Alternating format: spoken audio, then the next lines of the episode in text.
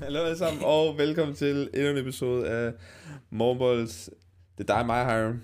Det er dig og mig, Hiram, i dag, og det er kun os to. Og øh, vi skal snakke om Premier League i dag, og de kampe, der er sket i weekenden. Ja, men øh, inden vi går i gang, Hiram, Ja. hvordan har du det? Øh, jeg er da fint. Jeg er da fantastisk. Jeg har det også fint. Det har været en god weekend. ja, en god weekend. Øh, I går så, øh, så spillede jeg øh, kamp på Brøndby. Oh, det er rigtigt. Ja, det er-. Var du, var der ikke, jo? Nej, var der ikke. Og vi spillede mod Skensved, eller lille Skens, Skensved. Jeg ved ikke, hvordan man udtaler det. Skensved. Det lyder bare langt væk. Du skulle have været der. Den blev 6-1. Og Okay. øh, jeg skruede hat-trick. Igen? ja, igen. Oh my Og en, og en assist. Informkort. Jeg siger bare, vi spillede mod Skensved, jeg tror, de ligger i C5 eller noget andet. Og øh, de fik kun 3 point sidste sæson. Okay. Og jeg tror, det var en skrivebordsejr. Ja, okay. Men det var, det var dejligt at teste vandet. Vi spillede bane 2, skulle have været der. Var det en træningskamp? Ja, det var en træningskamp. Jeg tror, at sæsonen starter 1. marts. Eller sådan noget. Oh my Men øh, du skal lige komme ud her. Lige komme ud til Kom. øh, C6 Kom de og gutter hele vejen fra lille skændsbød fra træningskamp til Brøndby. For at tabe 6-1. Oh my days. Ja, Ja, så elsker man fodbold. det er, props. det er sandt. Du skulle have været der. Ja, det skulle Du skulle have været der. Øh, nogle andre begivenheder, vi bare lige vil snakke om hurtigt, som sker i verden lige nu, det er jo, der er Asia Cup og AFCON. Mm. mm-hmm. Jeg ved ikke, om du så det, men i går så spillede øh, den ene semifinal i Asia Cup. Så du det? Uh, nej, men Det jeg var, går ud fra det Jordan mod... det var Jordan mod Sydkorea. Uh. Og Jordan rullede Sydkorea fuldstændig. What? Så Jordan er i finalen. Jordan skal spille mod Katar eller øh, Iran, Iran. som spiller i dag. Spiller, spiller snart faktisk, når vi optager det her. Wow. Så jeg havde ikke forestillet mig, at Sydkorea skulle røge ud. Jeg ved ikke, om de spiller om tredjepladsen, så jeg tror ikke, at Human Son han kommer tilbage til Tottenham. Åh, oh, nej, nej, nej, Lige om nej, lidt. nej, nej. Bring him home. Bring him home. Og øh, sammen med AFCON, der er semifinaler i dag også. Yes. Øh, det er Nigeria er den ene, og Elfenbenskysten er en anden. Tror du, de kommer i finalen? Så? Um, det, altså, det er jo Afghan, så man ved aldrig, det alt kan ske. Det er aldrig for rent at ryge videre. Nigeria, Syd, Nigeria, Sydafrika og Elfenbenskysten og Kongo. Kongo. Yes. Det er Kongo. Altså, ikke bare Kongo. det er rigtigt. Det er helt rigtigt. Altså, jeg tror, at uh, Nigeria er klar favorit til at vinde det hele, fordi at nu er alle de store hold væk. Altså, hold som Marokko, Algeriet, øh, Ægypten, Ghana, altså, der er ikke nogen af dem tilbage. Så jeg under Nigeria. De har også fået et godt hold. De har fået rigtig mange øh, spillere ind fra, i hvert fald det engelske, den engelske Det er Vobi. del. Øh, yes, yes. Lukman. Lukman, især Lukman, som har været fremragende for dem Ja. i, i det her turnering. Så det, det ser lovende ud for dem. Hvad, hvad sker der med Elfenbenskysten har spillet virkelig ringe? Hvordan er de i semifinalen? Altså, Står det ikke? jeg er ikke live, ikke? Det er, virkelig, det er som om, der er en der bare sidder og smiler til dem. De har stjålet. Another chance. altså, værsgo. Så kom nu. Kom nu. Altså, det Hvor, er hvor, skal vi, hvor, hvor skal vi hjælpe jer? Altså, nu sad jeg så, jeg sad og så deres kamp mod, øhm, var det Mali?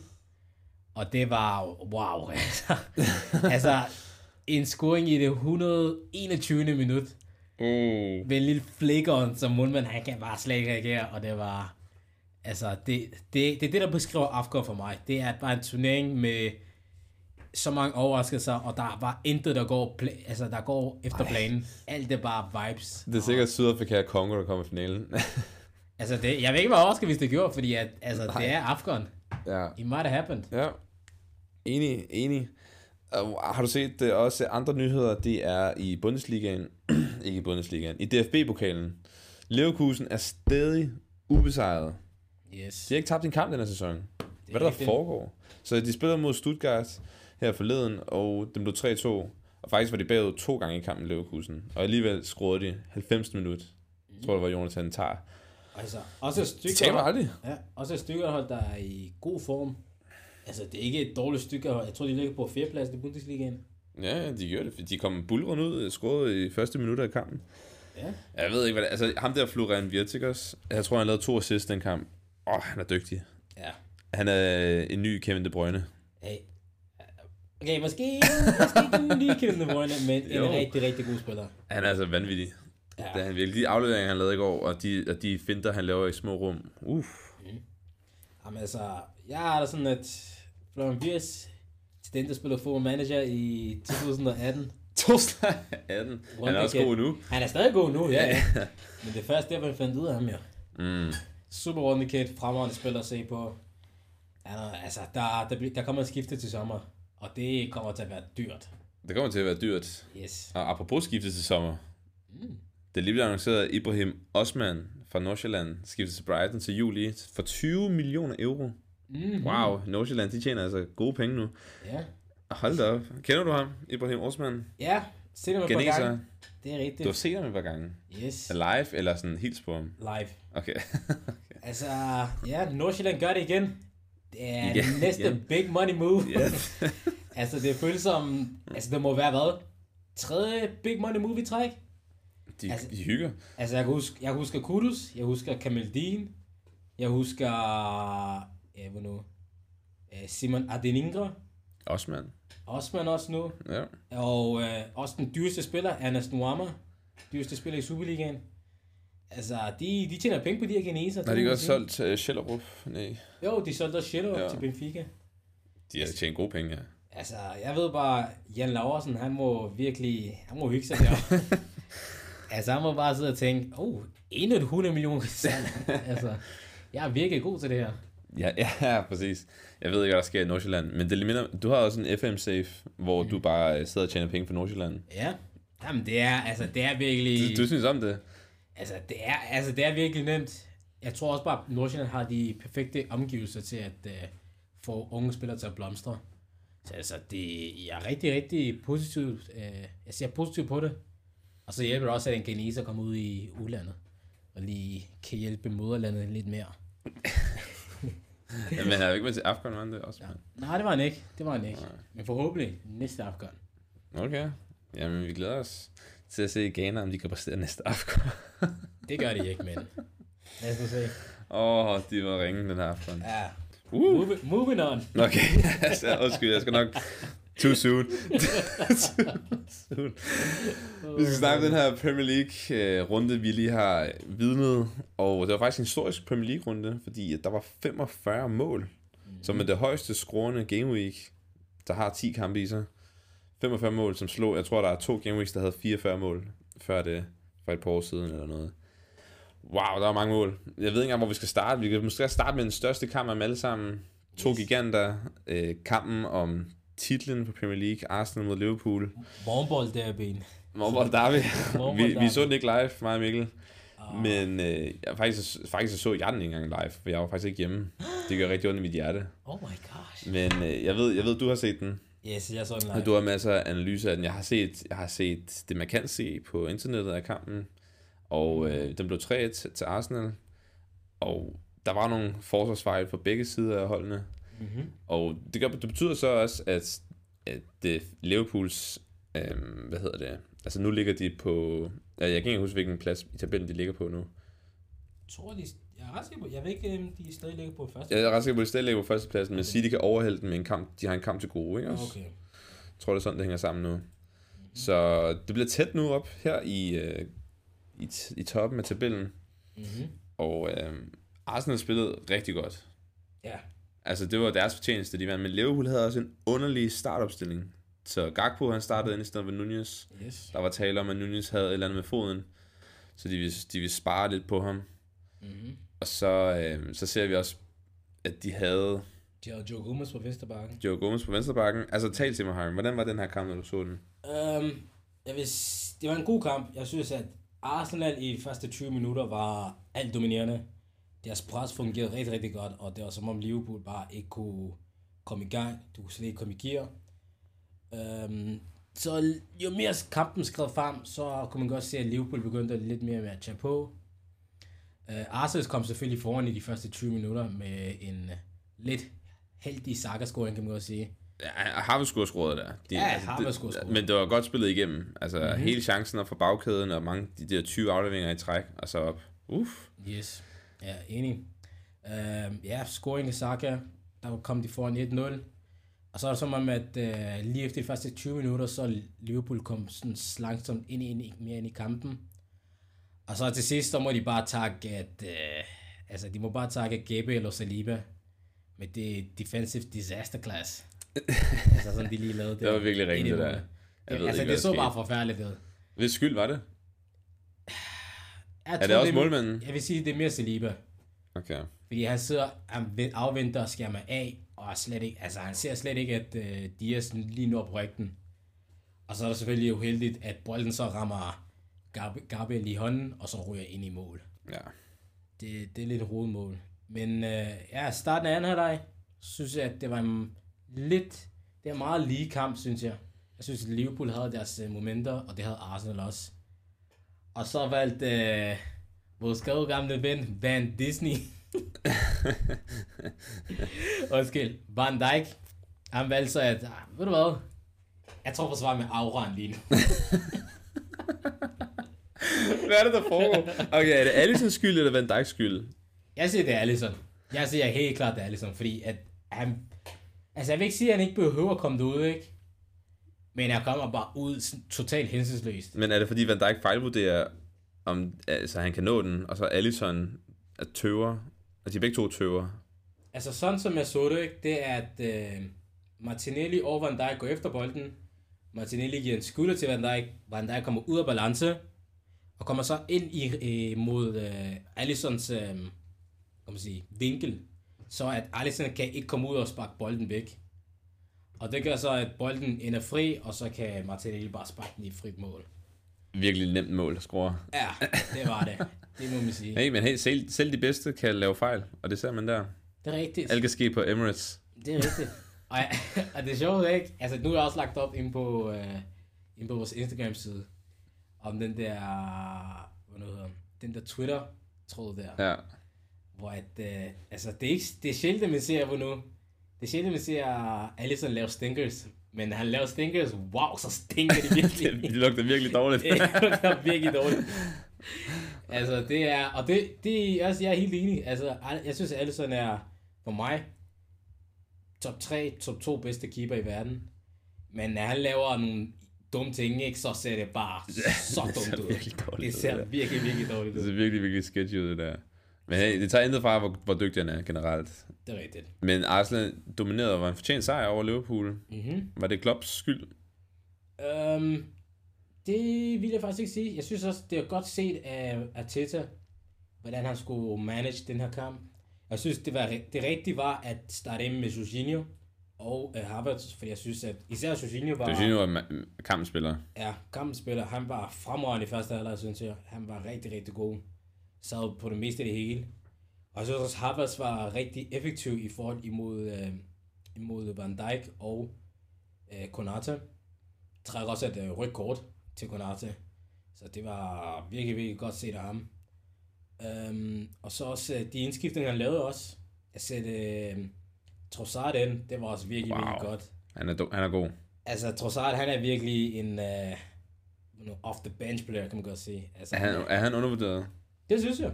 Altså, han, han starter jo ikke engang inden, og han kommer ind og leverer altså, det der tredje mål der, hvor han bare ruller Mm-hmm. fra, fra, fra midten af banen, skulle jeg sige, ude, helt ude i siden.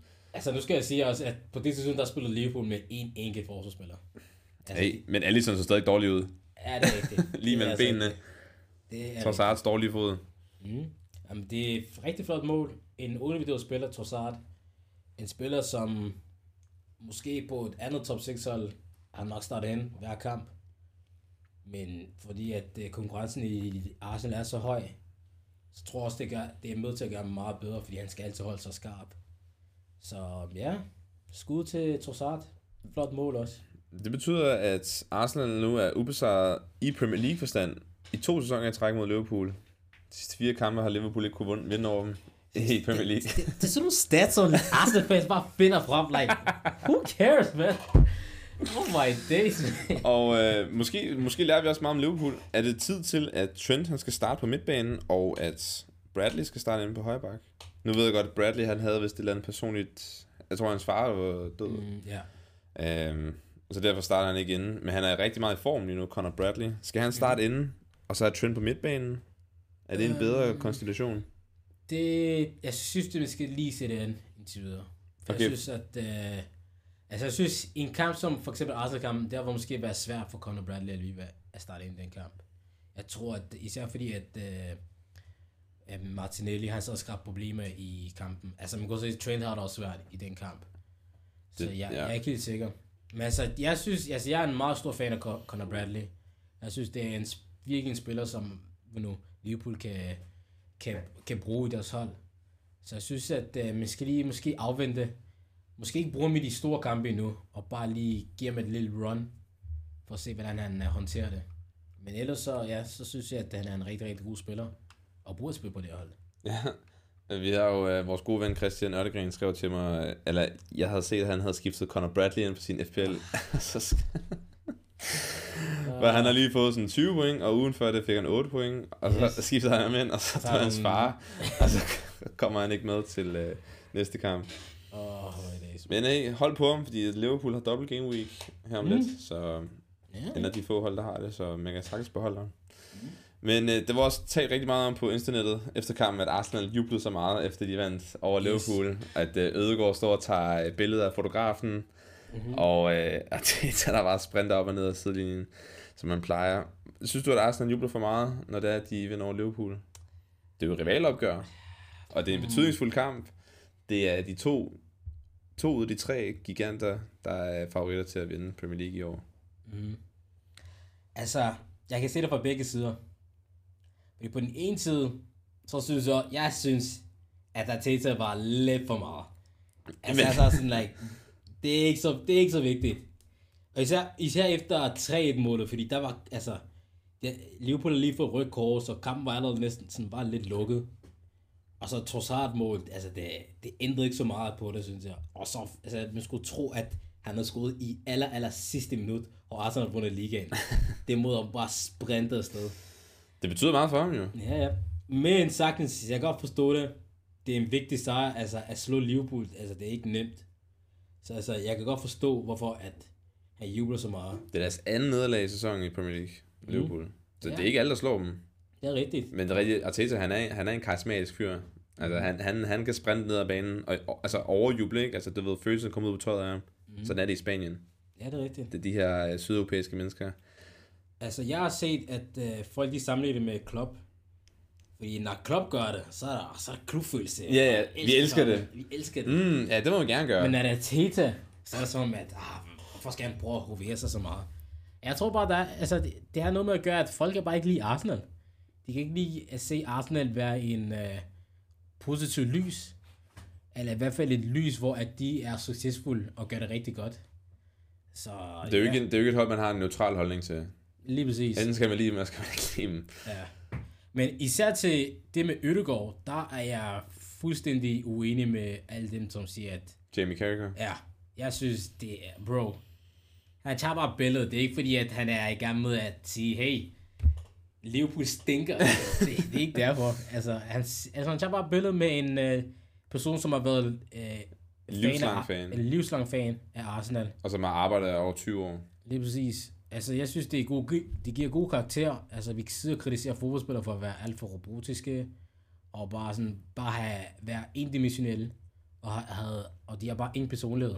Og jeg synes bare, det er rigtig fedt at se, når folk de viser lidt mere af sig selv. Min personlige holdning er, at Arsenal, eller Arteta, han, han øh, overjubler generelt. Altså, eller ikke, ikke kun overjubler, men han overreagerer mm-hmm. generelt på alt. Altså, gule kort, du ved, alt. Ja. Um, hvad hedder det? Fordi jeg kan ikke lide, når, Leo, når Jürgen Klopp har det på samme måde. Jeg synes, at Liverpool han er lidt for over, du ved, ikke? Så ja, Arteta har jeg på samme måde. Det, der er det sjove, at det er, så, når det er bare mere acceptabelt, end Liverpool gør det, ikke? Fordi Ja. Liverpool spiller 2-2 mod West Brom. der går og klapper. Går og klapper tilbage til det der. Nej, ikke engang kun det. Det er altid den, der laver de der tre der. De der tre Ja, det der. fistbumps. Hey, hey, hey. ja, ja. Jeg kan ikke engang sige det på tysk. Åh, er det. Der har været rigtig meget af det der snak på internettet. Jeg synes bare, at du ved, både Arsenals træner og Liverpools træner skal bare lige calm down a little bit. Ja. Men jeg forstår godt det der med, at man jubler ekstra meget, når man scorer, og man har to målsbuffer. Mm. Fordi vi har alle sammen spillet FM, du ved det. Ja. Lige snart man scorer, og der er to målsbuffer, så føler man, at man har vundet. det, Man har aldrig rigtig vundet til kamp med fløjter af. de er 10 mod 11. Og de, altså, jeg, jeg sad og så på nu McAllister i midterforsvaret, og så var jeg sådan, like, okay, bro. Du har vundet den her. You won this. Ja, det er sandt. Det er måske et andet problem også med Liverpools midtbane. Endo er på, har været på Afcon, ikke? Og, Ja. og den er Alex... Nej, ændrer ikke med Afghan. Nej, nej, nej. Er han ikke afrikaner? Han er helt sikkert ikke på Afghan. Endo er med på Asia Cup. Yes. Og øh, altså, det har tvunget McAllister til at spille lidt mere dybt. Mm-hmm. Og jeg, jeg ved ikke, hvordan jeg har det med det, fordi det, det virker ikke som om, at det helt fungerer optimalt. Men hey, Liverpool, de har mange ting, jeg skal finde ud af med den midtbane også. Øh, synes jeg indtil videre. Fordi at nu er, virker det som om, at Trent Alexander-Arnold måske kan komme ind og spille derinde. Ja, men altså, nu kommer Endo tilbage jo. Det er sandt. Ændrer det så, om Conor Bradley kommer til at starte inden? Måske. Jeg tror bare, at det, det er bare et ekstra kort. Og nu, altså Liverpool er stadig i rigtig mange kampe. De er stadig europæisk. 100%. FA. De, er de finalen? Nej, jo, er de i finalen i... I FA-koppen? I Carabao Cup? Nå, ja, fordi FA-koppen er kun fire runder, tror jeg, Det er stadig. rigtigt. Men jeg er ret sikker på, at de er i finalen. Tror jeg. Fordi jeg ved Chelsea er i finalen, men jeg ved ikke, hvem det er. Ja, de, de skal spille den 25. februar mod Chelsea. Exactly. Så Så stadig rigtig masser af kampe. Der skal nok være spilletid ja, til det 100 fleste. procent. 100 procent. Mm. Vi fik rundet uh, Arsenal-Liverpool, det var den største kamp. Og der har været rigtig mange mål i den her weekend, ud over den kamp også. Um, skal vi tage den næste kamp, som jeg har skrevet ned, det er Everton-Tottenham. Yes. Fordi at vi har... Richardson scorede to basser, Mm-hmm. og Everton var rigtig god på dødbolde, som, Ja. som vi kender dem så. Det er Ja. præcis som vi forudså måske også. Men Everton, de, over, altså, de leverer gode resultater, og jeg havde lige skiftet Richardson med mit spil. Thank goodness. han leverer, og vi lagde en TikTok op på vores TikTok for nyligt omkring overpræstationer, Yes. omkring Solanke og Wood, og, og jeg nævnte Watkins. Mhm.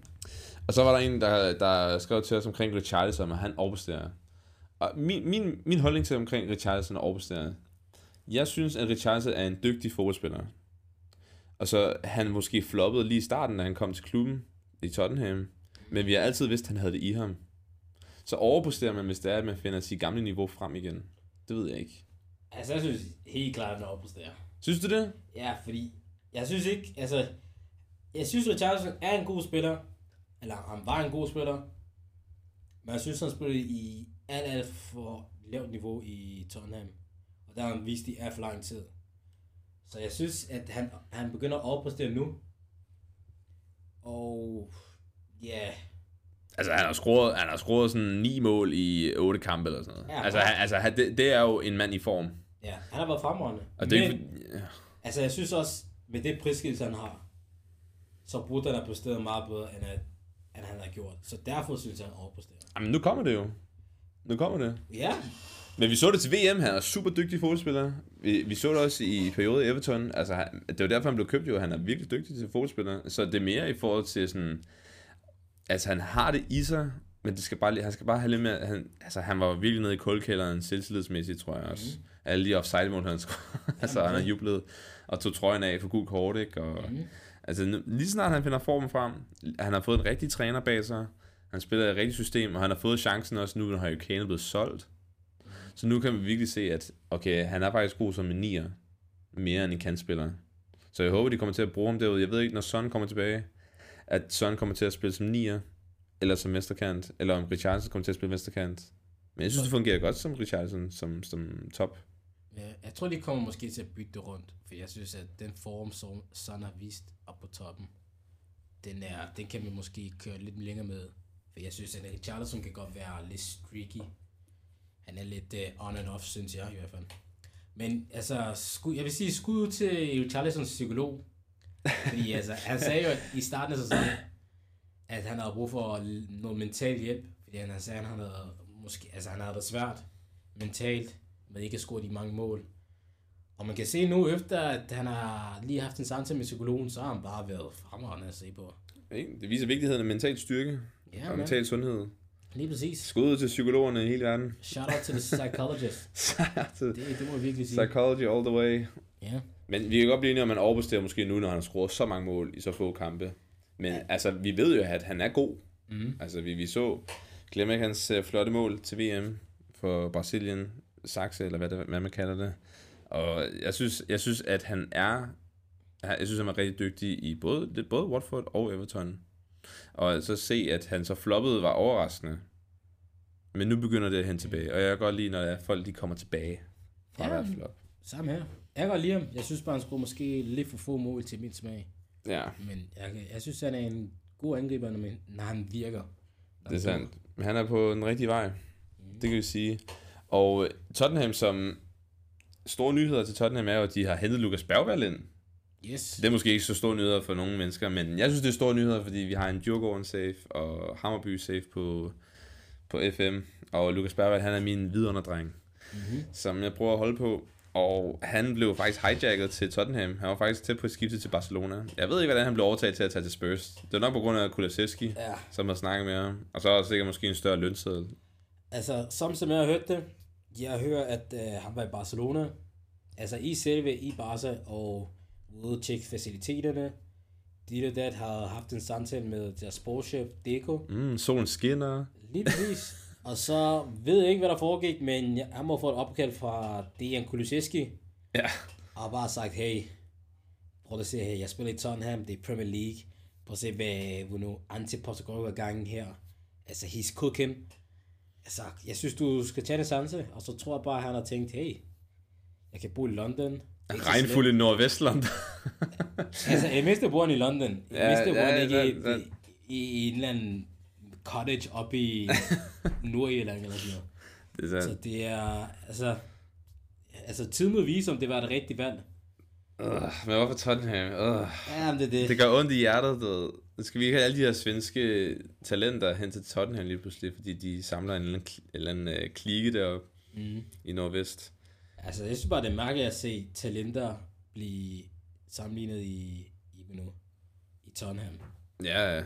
Det er bare, like, jeg har aldrig set Tottenham sådan hente et talenthold. tror du, han kommer til at blive brugt overhovedet for førsteholdet? Uh, lad os nu se. Altså, Uber vil jeg sige nej, fordi han er været kun 17, 18. Og han spiller i den svenske, bedste, svenske bedste række. Jeg tror, der kommer til at være en masse af U23-kampe. Og så bare indhop i carabao Eller Så- udlejning? Eller udlejning, det er rigtigt. Ja, fordi at han er jo, han er kommet, han kom fra Djurgården, men han er kommet faktisk fra Bromma Pojkarna Yes. akademi. Også en vanvittig akademi.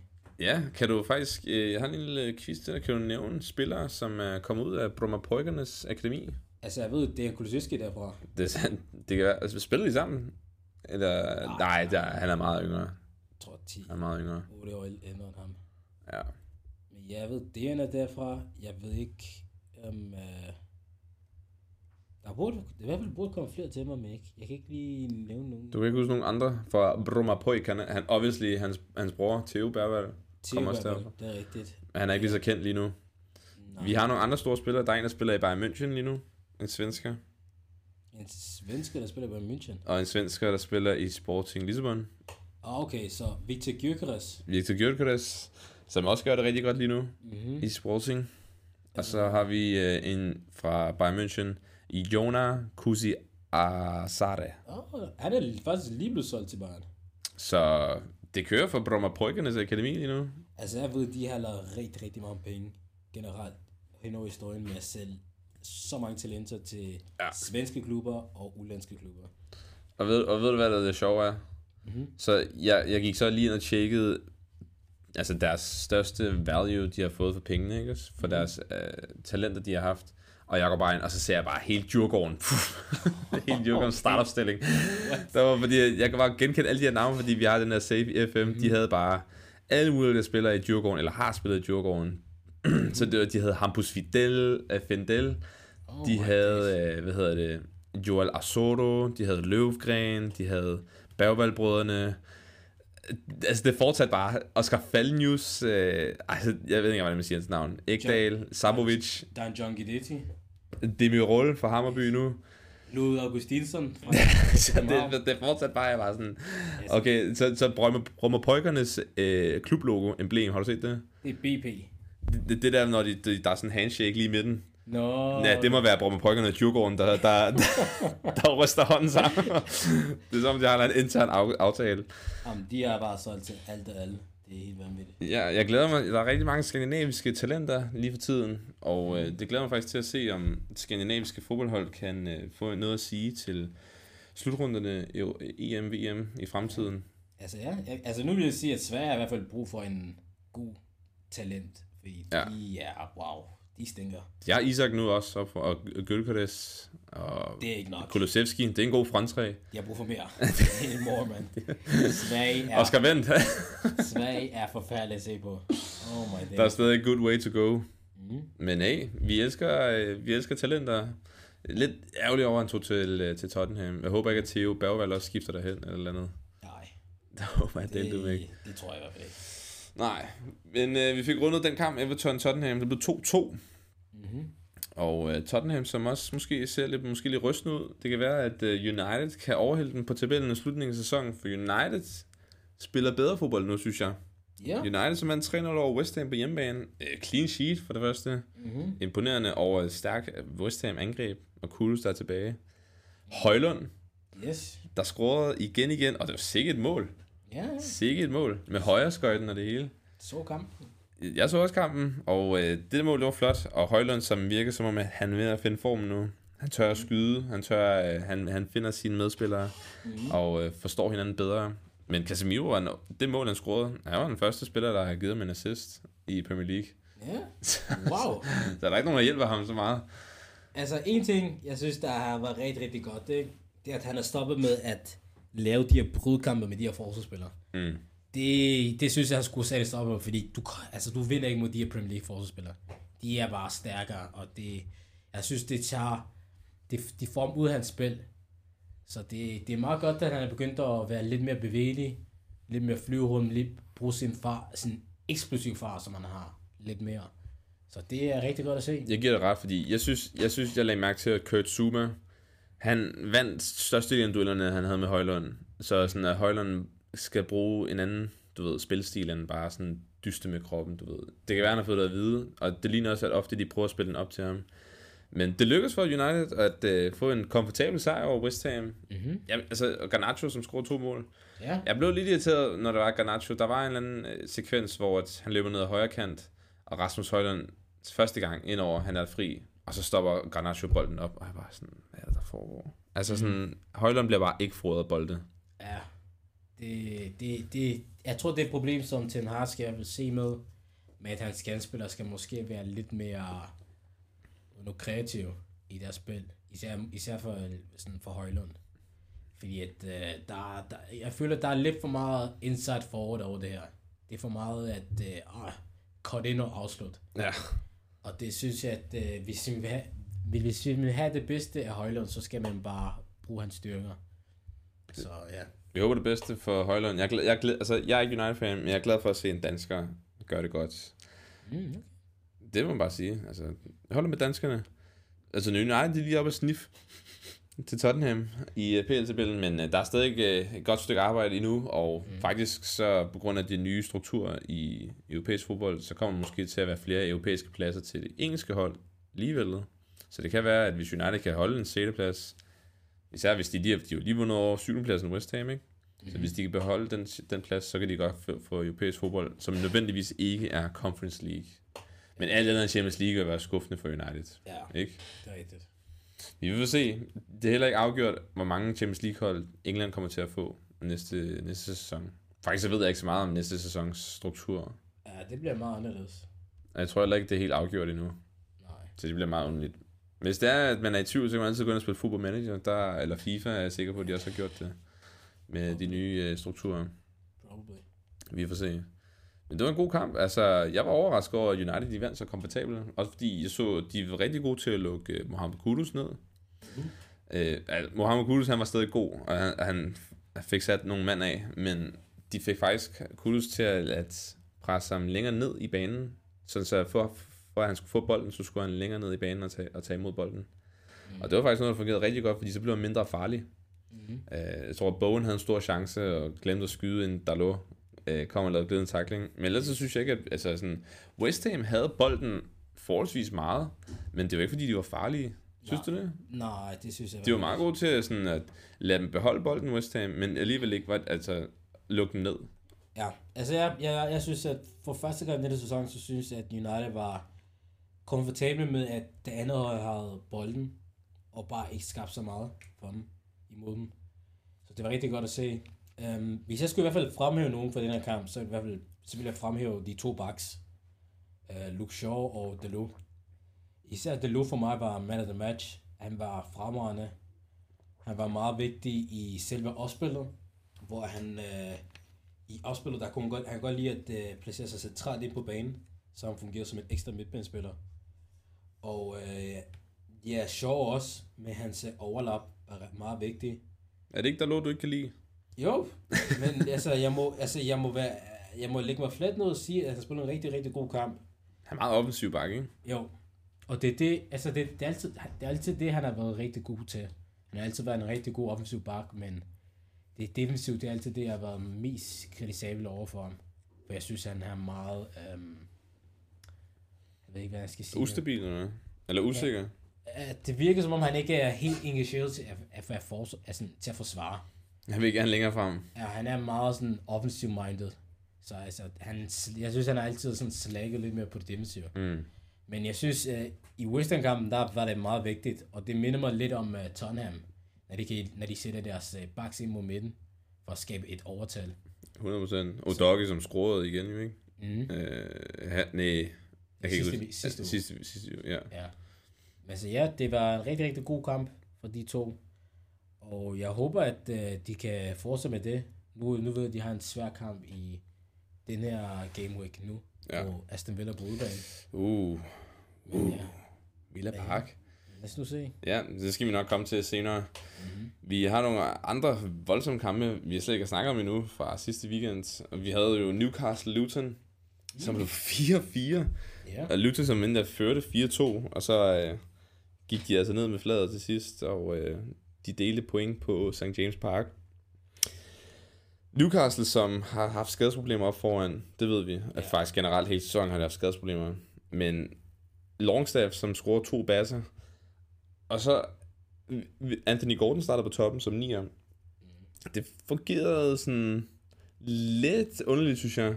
Det virker ikke som om, at det var hans normale plads, kunne man godt se måske.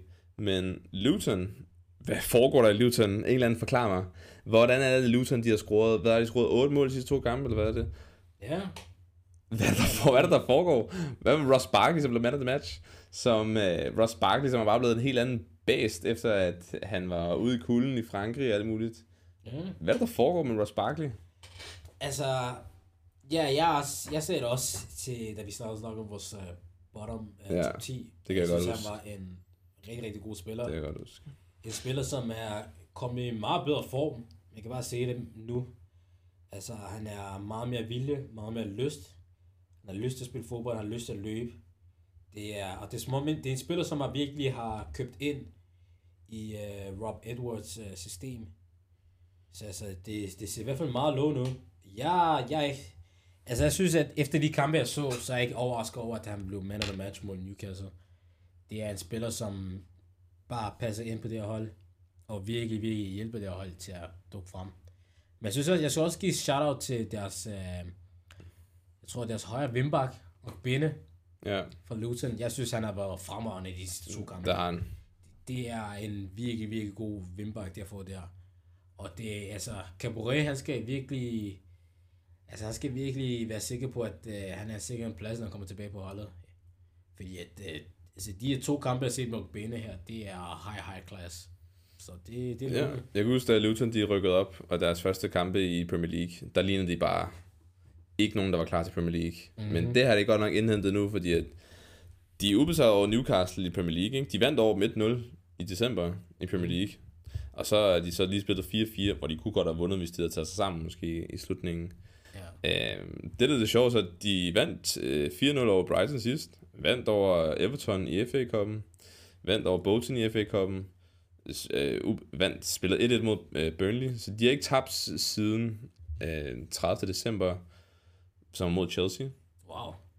Og så før det, så vandt de også over Sheffield. De vandt over øh, Newcastle. Så de er ubesejret i 2024? Altså, det var, det, ja, præcis. Så de, de er ubesejret i 2024. Sidst de tabte, det var den 30. december mod Chelsea. Wow. Så de har tabt mod Chelsea, de tager mod City og Arsenal. Sådan også en ret stor hold. Mm. Og det var kun med, med et måls forskel, alle sammen. Ah, imponerende. Så altså, jeg ved ikke, jeg ved ikke, hvad der foregår i Luton, så jeg tror nu, det er tiden til at investere i nogle Lutons spillere, måske i FPL-sammenhæng. Dog så skal de mod United næste gang, Ja. og så skal de mod Liverpool, og så skal de mod City FA Cup, Ja, og så mod Aston Villa. er og det er der altså nogle overkampe. Ja, det er hårdt. Men hey, jeg har altså ikke regnet med, at de vil få point mod Brighton så nemt. Og point mod Luton, på, uh, point mod uh, Newcastle på udebanen. Ja, altså, nu er de lige kommet over stregen. Så altså, lad os du se. Ja, det er, altså, det er overlevelse dernede. Mhm. Jeg så en statistik med, at øh, Ross Barkley har en, en uh, gennemsnitsvurdering på 7, næsten 6. Det er meget højt. Det er rigtig, rigtig Det er højt. rigtig højt. Jeg ved ikke, hvad der foregår i Ross Barkleys hoved lige nu. Altså, ja, jeg synes, han spiller fremragende, og hvis han fortsætter sådan her, så kan han godt være en lille wildcard til uh, Gary Southgates hold i sommeren, om sommeren. Comeback player of the year. Men altså, nu er jeg lidt usikker, fordi at, uh, jeg så forleden, at uh, Southgate var ude at se Jordan Hendersons kamp for Ajax, så det lå, okay. allerede, det lå allerede ikke godt. Okay. Det lå ikke godt. Men altså, jeg, altså skud til Ross Barkley har været fremragende. Ja. Uh, klart Lu- Lutos bedste spiller, sammen med Adebayo. Og altså, de, de gør det rigtig, rigtig godt. 100%. 100%. Ja, jeg kan se, at jeg har fået en statistik frem her. Ross Barkley mod øh, Newcastle. Han havde flest touches, 79. Mm-hmm. Han havde flest øh, præcis afleveringer, 51 ud af 55. Han havde flest afleveringer i sidste tredje halvdel af banen, 23. Han havde flest, øh, hvad hedder det, most final third entries, så flest gange han kom ind i en tredje, sidste ba- banehalvdel, tredje banehalvdel. Mm. Uh, ni gange. Han havde flest chancer skabt, fire. Vandt otte dueller. Fik bolden, vandt, øh, vandt hvad hedder det, boldbesiddelse seks gange. Fire tacklinger, tre interceptions. Og øh, to Oh successful days. take-ons, og et mål og et assist. Oh my days, man. Er det Patrick Viral, du skal nævne? Jeg ved ikke, hvad der foregår. Jeg ved ikke, hvad der foregår for Ross Barkley lige nu. Wow. Han er simpelthen bare i form. Ja, men det er fremragende. Hey, jeg elsker at se Luton i form. Du ved, vi, gider, vi gider alle sammen godt at se Luton blive op i Premier League i år. Altså, jeg har Luton som min... Ja, jeg havde, jeg havde dem ikke som en klar bund. Jeg havde dem som på en uh, 19. plads. Ja. Men altså, de, de har været rigtig, rigtig gode. De har positivt overrasket mig. Nu fik jeg lige nævnt, at de skulle mod United Liverpool, men de skal faktisk mod Sheffield United først den her weekend Vigtig på kamp. hjemmebane. Kenilworth Road. Vigtig, vigtig kamp. Så man kan godt, hvis, hvis man vil, så kan man godt lige investere i en hurtig, øh, hvad hedder det, Luton. Øh, Sheffield mod Sheffield, United. En lille Luton-spiller på FPL. Mm. Det kan man overveje. Det kan man overveje. Skal vi gå videre til, øh, der er flere kampe, vi ikke har snakket om endnu. Yes. City, Brentford. Thomas Ja. Frank, som har faktisk af en eller anden mystisk årsag vundet over City to gange sidste sæson. øh, Mystisk årsag. mystisk årsag. Uforklarlig, på uforklarlig vis har haft et godt, øh, Mhm. godt hold på City. De sidste Premier League opgør, de har spillet mod dem. Mm. Men den her gang, så kom, de, så kom de op kort mod Manchester City, som nu ligger til, at hvis de vinder deres næste kamp, de har en kamp til gode, som jeg er ret sikker på, måske er mod Luton, jeg er ikke sikker. Men ej, jeg ved ikke, om det er mod, men de har i hvert fald til gode, og så kan de komme op på førstepladsen igen. City, som vi kender dem på førstepladsen. Ja. Wow, Phil Foden hat-trick. Uh. Og uh, Holland, Holland er tilbage. Mm-hmm. Yes. Og vi så ham misse en stor chance i kampen. Du så kampen? Jeg så kampen. Jeg så også kampen. Altså, Holland havde misset en stor chance. Og så tænker jeg, Mark Flækken, wow, hvad er det, der foregår? Mark Flækken i første halvleg, altså det var bare Thibaut Courtois i Champions League-finalen. Det var det virkelig. Det, han taget to, han havde ni redninger i første halvleg. Han var vild. Så sad jeg og tænkte, wow, okay, what a performance. Men så efter det første mål, altså sådan, fordi at, så Brentford, de scorede det første mål. Mm-hmm. Og Nemo Pai, Jan Mølby, som citerede Nemo Pai, god afslutter. God. Jamen, det var en god afslutning. Kold ja, afslutning. ja, det er sandt, men det kan man ikke tage fra ham. Men smart øh, målmands, målmands, målsparks, øh, jeg ved ikke, om det var planlagt for træningsbanen, Mm. men Tony, der skærmer Ake af, og så må Pai have en friløber, og så er det faktisk Mark Flækken, der får assisten, Yes. fordi han rørte bolden sidst. Flækken assist. Ja, Jeg vil, jeg vil dog sige, at det var Tonys assist. Han skærmede, han skærmede af. sige. Det kan man godt sige. Men det var flot eksekveret af alle sammen, både Flækken, Tony og Nemo Pai. Det virker som om, at det var en lidt taktisk plan, fordi det virker som om, at Flækken han ramte det område ret tit på frispark og målspark. Så Mm. Men altså, det første mål, som City de scorer, jeg sidder og hæver på, at Brentford vinder, ikke? Mm. Jeg ved godt, jeg havde Holland så kaptajn på FPL, men du ved, hvis Brentford kan vinde over City, alt er godt. Så City skal bare tage point, du ved, ikke? Ja. Og jeg ser, at der kommer et rigtig dårligt indlæg fra De Bruyne. Ufarligt. De kunne lade den gå ud til målspark. Men nej, Ethan Pinnock, som jeg roste rigtig meget for ikke så lang tid siden, hætter bolden lige hen til uh, Phil Foden, tæmmer den. Det var hovedløst. Og så tænker jeg, okay, nu er det game over. Fordi jeg, jeg, tænkte ikke, at Brentford var så positiv første halvleg, men faktisk, så Brentford skabte faktisk ret mange chancer i anden halvleg, mere end jeg troede, de ville. Så jeg var faktisk lidt overrasket. Ja, jeg, jeg synes, anden halvleg var faktisk ret kedeligt. Synes jeg i hvert fald. For jeg synes, at City sad på det meste. Og Brentford prøvede at være lidt farlige, sådan noget, men de var aldrig... Altså, Mopais mål var det. Altså, de har ikke fået noget mere ud af den kamp. Og de havde altså andre skud også. Det er det. De havde andre skud også. Men det, det er rigtigt. Men det var måske ikke sådan, hvor man tænkte sådan, wow, ikke ske på en. Jamen, det var det, fordi første halvleg var så god, fordi man sad og tænkte, oh, okay, City brænder utrolig mange chancer, Nej, det gør de. og, og Brentford bare så effektiv. Og så anden halvleg, det er bare, yes, City bare har 80% boldbesiddelse, Ja. og Brentford har nogle kontra, som bare ikke fører til noget som helst. Jeg synes, det var rigtig interessant, fordi at Foden han startede inden og scorede hat selvfølgelig. Og Mhm. han startede ude på højre side, så jeg ikke husker. Mm, Bernardo Silva var også ude på højre side. Men de har jo fire deroppe. Jeg ved ikke, hvordan Altså, de det er. Pep-system. Jeg, Altså- ved, ja, jeg ved ikke, hvordan de har styr det der. Altså, Holland sidder også på højre side nogle gange. Altså, det er bare... Ja, præcis. Jeg forstår ikke, hvad, fordi nu er Holland tilbage. Hvordan kan man have både Holland, De Bruyne, Alvarez, Bernardo Silva og Foden inde i samme kamp? Altså, det giver ikke nogen mening. Det giver heller ikke nogen mening for mig. Altså, Doku kom jo på bænken, ikke? Fra bænken af. Ja. Altså, jeg så, at De Bruyne står inde på, en, på midten, altså på en 8. plads. Så altså, jeg tror, at de har tænkt sig at spille med De Bruyne, Alvarez og Holland også. Og Foden. Ja, de, er så offensive. Og Bernardo Silva. Og Bernardo Silva. Like, det er... Der er ikke engang plads til Grealish eller Doku. It's a lot, man. Er rigtig, rigtig meget. Og så Rodri, som Også- ja. altså, ligger rigtig højt op, når de har bolden også. Og ind i feltet, sniger sig ind i feltet nogle gange. Jamen, så det er, altså, det er Pep jo. Det er hvert år, så spicer tingene op, Ja. ja. og bare sætter en ny mand ind. Og Guardiola, som kommer i overlap hele tiden. Ja. Han var så super offensiv. Altså sidste sæson var Wow. det Stones, der lå på midten, og lignede next coming of Iniesta. altså, og så var det Gundogan, og så var det Rodri, og så var det De Bruyne lige pludselig, så var det Fogh. Altså, der er så meget. Jeg ved ikke, hvad der får. Men de ser faktisk, de ser faktisk lidt sårbare ud, når de har så mange mænd fremme. Øh, Mhm. Men det er ikke blevet udnyttet hele tiden. De- Brentford kunne slet ikke udnytte det i øh, mandagskampen. Nej.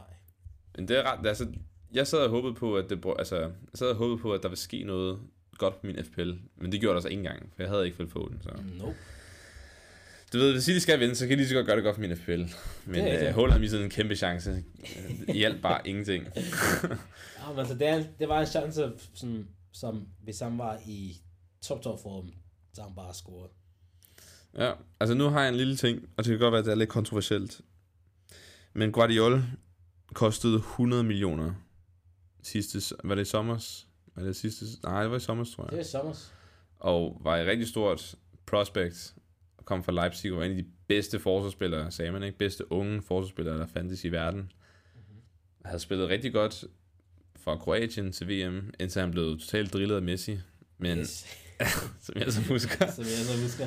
Og øh, jeg husker bare, at Guardiola han havde et godt, en god redning af Mark Flikken. Han havde et skud ude for feltet. Men Guardiola, jeg synes, jeg virkelig har været underpræsterende. Mm-hmm. Der, der sagde jeg det. Der Yes. sagde jeg det. Guardiola har været underpræsterende den her sæson, fordi han har kostet så mange penge. Han er kommet ind i et komfortabelt system, der hedder Peps system.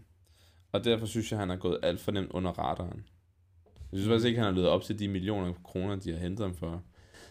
Der er måske noget om snakken om, at han måske ikke bliver brugt på samme måde, som han plejer at spille fodbold på. Han bliver brugt som venstre bak nu, Ja. og kommer i dybe overlap, eller ind på midten af banen. Og det er jo en udvikling til sit spil, som man ikke har haft før. Så måske er det også lidt uvant for ham, og måske lidt hårdt at kritisere ham for det. Men jeg synes, det er underligt at hente en spiller ind, og så bare kaste dem ind på en, på en ny position, som Pep elsker at gøre med spillere. Synes Altså- du ikke, han er underpræsteret også? Jo, altså, jeg er enig med dig. Jeg synes også, han er underpræsteret. Også bare forsvarsmæssigt. For, Han forsvarsmæssigt... bliver fuldstændig drillet af, af kantspillere i, Ja. i Premier League. Jeg synes forsvarsmæssigt har han underpræsteret lidt. Jeg synes, det offensivt, det kan jeg ikke klandre ham, fordi at jeg, jeg har aldrig rigtig set det før i hans spil, og sådan, det er første sæson, så man ved aldrig. Det eneste problem, jeg har med det her, det er bare, Jeg ved bare, Pep, han, find, han kommer til at finde en eller anden måde, så næste sæson, så ligner han bare en forsvarsspiller, der bliver solgt, der skal sælges for 200 mil. Ja. Fordi altså, vi så det med Stones, da han kom til City. Først, der var han sådan lidt, ah, lidt iffy, dit og dat. Så gik der hvad? Halvandet år, så var han den bedste forsvarsspiller i Premier League. Sammen med Nathan Ake, kom i klubben, var lidt svingende i starten, dit og dat, og så skulle han lige spille ind på holdet, og så var han lige pludselig fremragende også. Altså, der er, Ja. altså jeg ved bare, Pep, han sidder bare og venter, hello, bare vent et halvt år, ikke? Ja.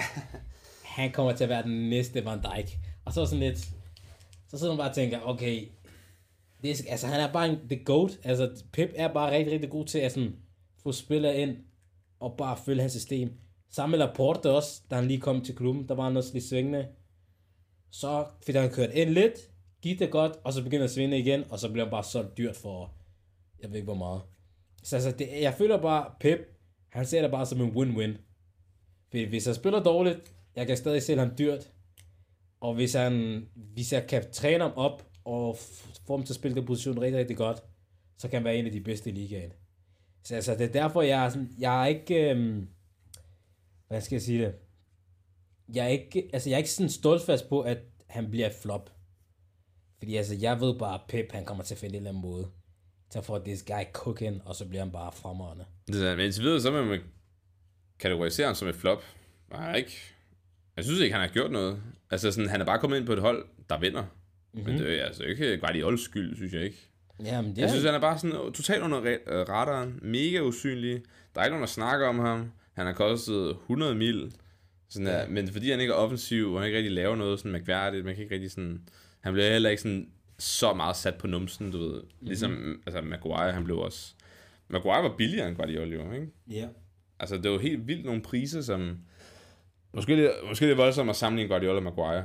Men du ved, det er da ikke det, jeg prøvede på. Men bare for at sige, at Guardiola kostede faktisk væsentligt mere, end Maguire gjorde.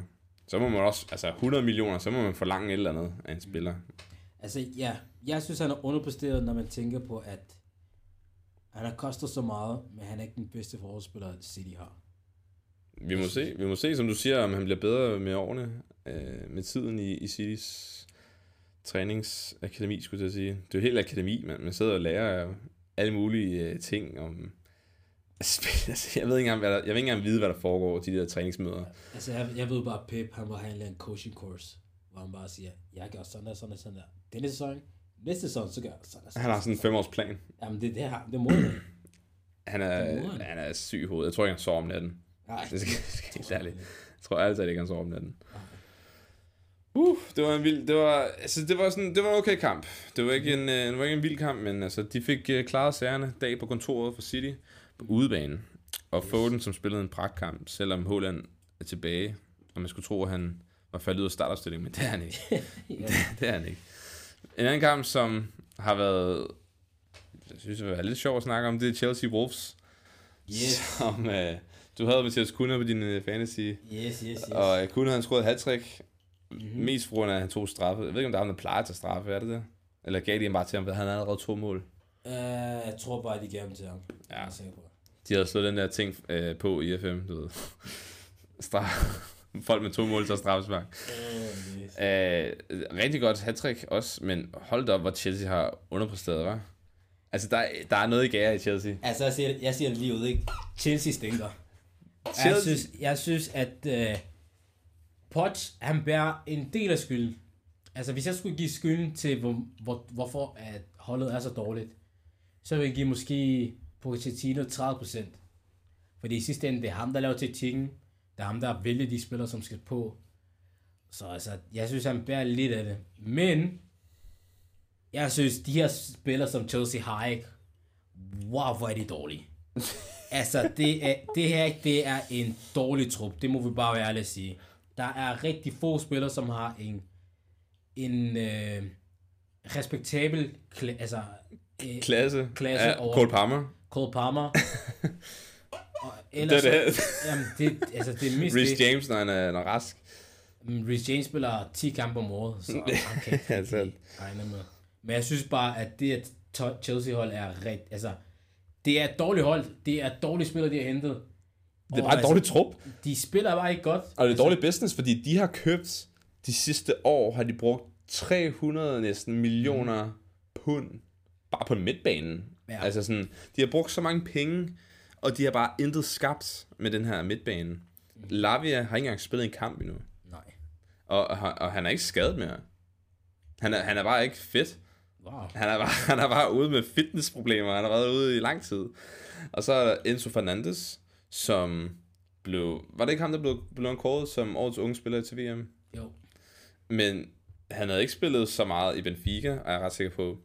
Han spiller købt for 100, over 100... Var det 20 mil, eller hvad var det? Jeg kan ikke huske det. Det var... Euro. Jeg vil sige 120 millioner pund.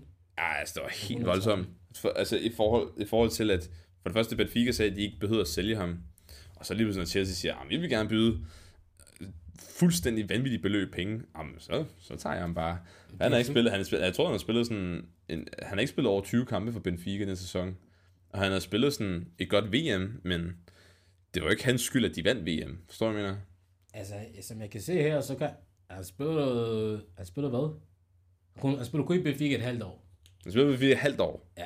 Han spillede Benfica et halvt år, havde godt VM, og det er det, VM gør, åbenbart. Mm. VM, det gør bare lige pludselig, at, åh, Enzo Fernandes, ja, han havde fik den her pris. Todd Bowley tænker, ham skal jeg købe. Men, men jeg kan se her, at han spiller ret godt i de 6 måneder. Altså, han blev called. Måneden spillede tre gange i de første 4 måneder. Men det, det, det er meget let at vurdere en spiller på, og så købe ja. ham. Og 100 procent. 100 Altså, det, det må man bare være ærlig og erkende. Altså, altså jeg, jeg det sådan, jeg synes Enzo er en god spiller. Jeg synes, at, men jeg synes, han var, altså han blev købt i kæmpe overpris. Også Altså- i forhold til, hvor meget Liverpool betalte for McAllister, som spillede lige så godt til VM. Mm. Altså, jeg synes, det er helt absurd, hvordan at Chelseas økonomi har, kan holde til det der.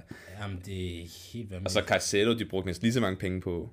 dyre faktisk. Dyre faktisk. Og han er ikke engang sådan den optimale defensive midtbanespiller måske.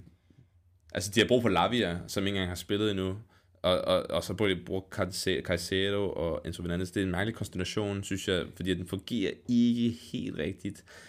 Der sker mange, og så Conor Gallagher, som faktisk er den, der spiller med mest intensitet mm. og mest vilje på det her hold. Og han er nok den, som bliver nok solgt af dem alle sammen. Ja, Altså, ja. Jeg har sagt det. Jeg synes, Chelsea's trup er et dårligt hold. og så Mudrik, som ikke blev brugt. Mudrik, som kostede 100 mil. Også en spiller, som er meget, meget under niveau. En spiller, som er også, også blevet betalt overpris for. Præcis, også, også i forhold til, okay, måske havde han en god kampagne, men det var også kun et halvt år til et år. Og så spillede i Ukraine. Ja. Sådan at ligesom, hvem er den her mand? Men altså, der, er ikke noget, der er ikke noget belæg for, at man skal hente ham ind så dyrt. Ja. Det giver absolut ingen mening. Ja, men altså Chelsea, de, de ved at køre en, uh, i, i United. Altså deres, ja. scout, altså deres scoutings uh, know, recruitment, det har været fu- fuldstændig forfærdeligt. Ja, præcis. Altså, de bliver er fuldstændig taget på sengen økonomisk. Ja. På tale om sengen. Jamen, det, Chelsea har sengen på stadionet. altså, Der var det, altså folk, der står og børster tænder, mens de står og ser kampen.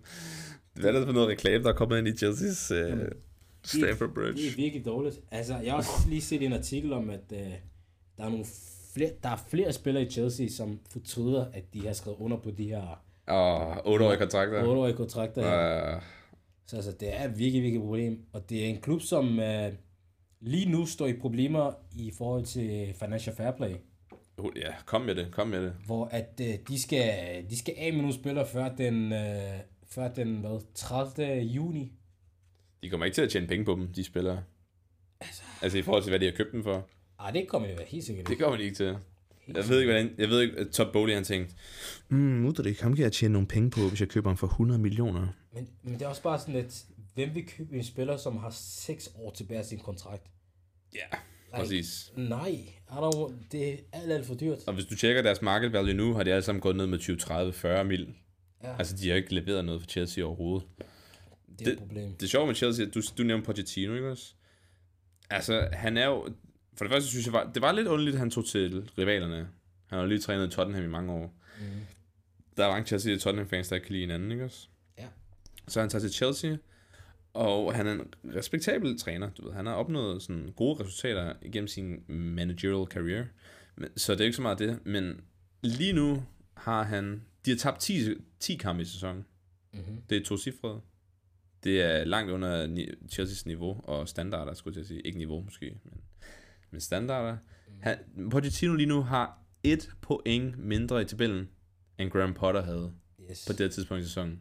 Ja. Og Graham Potter blev fyret med det samme. Så måske var det ikke Graham Potters skyld. Men på, Måske. på den anden side, så kan man sige, at Graham Potter var måske heller ikke den perfekte øh, træner til, til Chelsea. Måske. Jeg ved ikke, hvad der foregår i Chelsea. Altså, altså, jeg synes, at det var klart for mig at se, at de skulle aldrig komme af med Thomas Tuchel. Ja. Fordi jeg synes, Thomas Tuchel er en af de træner, som er bare... Altså, en, en af de rigtig, rigtig gode træner, der er i verden. Han kunne håndtere dem. Lige præcis. Og, det var, og, så, og da Tuchel var der, der havde stadig lidt af den samme trup, som man havde, da de vandt Champions League. Ja. Så, så det var en trup, som, øh, jeg vil sige, stadig, øh, ja, hvordan skal jeg sige det? Altså, jeg vil sige, respektere ham, eller i hvert fald havde en indforståelse for hans taktik, og den måde, han ville spille fodbold på. Så altså, det, det, det, var, det var, jeg synes, det var meget dårligt håndteret af Todd Bowley, at komme med så en, øh, altså, så velhævende træner. Altså en træner, som er meget, meget... Det giver ikke nogen mening. Ja. Altså, men det er jo bare at skyde sig selv i foden. Man kan bare se øh, konsekvenserne af det, kan man bare sige. Jamen, det er det. Ved du Jeg har det fint nok med, at Chelsea de struggler, fordi at det beviser også bare, at penge det er ikke alt. Jamen, jeg synes, det, det, jeg, jeg synes, det er det, vi skal tage fra for det her. At det er meget vigtigt at se, at bare fordi du bruger rigtig mange penge, betyder det ikke, at du får et godt hold. En god konklusion. Ja. Det, det er det, bare, altså, det, det er det, vi skal sætte vores nu, fokus på i hvert fald. Lav nogle lidt mere kloge beslutninger. Men altså, nu har vi snakket meget om Chelsea, men Wolves, de spillede rigtig godt. Yes. Og Wolves, de kører med klatten lige nu. Mm-hmm. Og øh, jeg ved ikke lige, hvad der sker i Wolves. Øh, altså, Gary O'Neill. Fordi at han, det sjove med Gary O'Neill, det var jo, at han var Bournemouth-træner. Yes. Og alle troede, Bournemouth ville rykke ned sidste sæson. Bournemouth kom på, var der 14, 13 pladsen eller andet. Leverede mega godt sidste sæson. Øh, troede, han skulle blive i Bournemouth og starte det hele op der i Bournemouth. Mm-hmm. Og så gad Wolves-træneren ikke mere. Wolves-træneren smuttede et par uger inden, eller et par dage inden øh, sæsonen startede. Øh, den her sæson i sommers. Og så kom Gary O'Neill ind, som var faktisk overrasket over, at de hentede Gary O'Neill. Men hey, Ved, ved, ved, ved. Altså, det er ikke fordi, de hentede Gary Neal. Han blev fyret. Og han blev fyret. Han blev fyret for Bournemouth. Fordi at Bournemouth ville køre en... Altså, de fik ny ejer. Så ville de gerne have en helt ny træner. Michael B. Jordan. Exactly, man. exactly. The human torch. Så de gad godt at have Irariola. Ja, men det er derfor, altså det er sådan, det var. Altså, O'Neill var træner i, i, i Bournemouth. Fik dem, jeg fik dem reddet, efter de havde en, de havde Nathan Jones. Fik dem kørt op af tabellen. Undgik, undgik nedrykning, og så blev han bare fyret. Fordi de ville have en ny træner med en klar vision. De ville spille noget bedre fodbold, eller pragmatisk fodbold. Chelsea Wolves har gjort det fremragende der. Jeg synes, at det er en øh, undervurderet træner. Og en undervurderet engelsk træner, fordi at engelske træner i England, de har ikke lige den bedste track record. Men øh, ja, jeg synes, det jeg har set fra ham, det har været rigtig, rigtig godt. Og især fordi, når man tænker på, at øh, Wolves, de har jo den her transferpolitik med, at Portugiser. hvis, hvis du ikke er portugiser, så kommer du. Det var det portugisiske landshold. Jamen, det er det virkelig. Og jeg synes, det er meget, meget... Øhm, det er meget imponerende for mig at se, at han har fået de her spil ind til at købe ind til hans system. Især fordi, at øh, jeg har ikke set den spille lige så godt, som siden de har havde Nuno, øh, Nuno, Nuno Spirito Santo. Så altså, det er... Nej, og de, de solgte jo også øh, Ruben Neves Det er rigtigt. og Moutinho. Yes. Joao Moutinho. Var der ikke også en, øh, de solgte også en anden en, husker jeg som om. Øhm, Ikke Doherty. ikke dårligt. Nej, nej, nej. Men altså, de, har, de er kommet af med deres spillere, som var meget kerne Ja. i truppen. Og alligevel så har de, de hentet Lemina. Mm-hmm. De har også hentet Leminas bror. Ja. altså, Lemina, som har faktisk spiller rigtig godt. En øh, spiller, som jeg ikke rigtig regner med. Jeg havde ikke forestillet, at han skulle spille godt, for han har spillet i Southampton. Vi så ham i Southampton, og det var ikke prangende overhovedet. Så jeg, jeg ved ikke, hvordan han har fundet det bedste frem i Lemina der. Mm. Men det er rigtig interessant, fordi Wolves de ligger nu komfortabelt på... En, altså, de ligger over Chelsea, så men det, det er måske heller ikke så vildt. Men øh, Nej. de vandt jo lige over dem, kan man sige. Mm-hmm. Det sjove er jo så, at jeg, jeg, jeg hørte jeres øh, sidste episode med quiz, Mm-hmm. og at øh, Wolves kom de været på 13. pladsen eller noget sidste sæson. Mm. Øhm, men de scorede kun 31 mål, Ja. kan jeg huske, at der blev nævnt om. De har allerede scoret mere mål nu. De har allerede scoret 37 mål nu, Wow. som vi snakker nu, ikke? Mm. De har lavet scoret 37 mål. Øh, 6 mål mere end sidste sæson. Øh, hele sæsonen. Det er altså frem. Det er imponerende. det er altså Wolves i fremskridt, men altså Pedro Neto, han er så god. Han, han brillerede igen.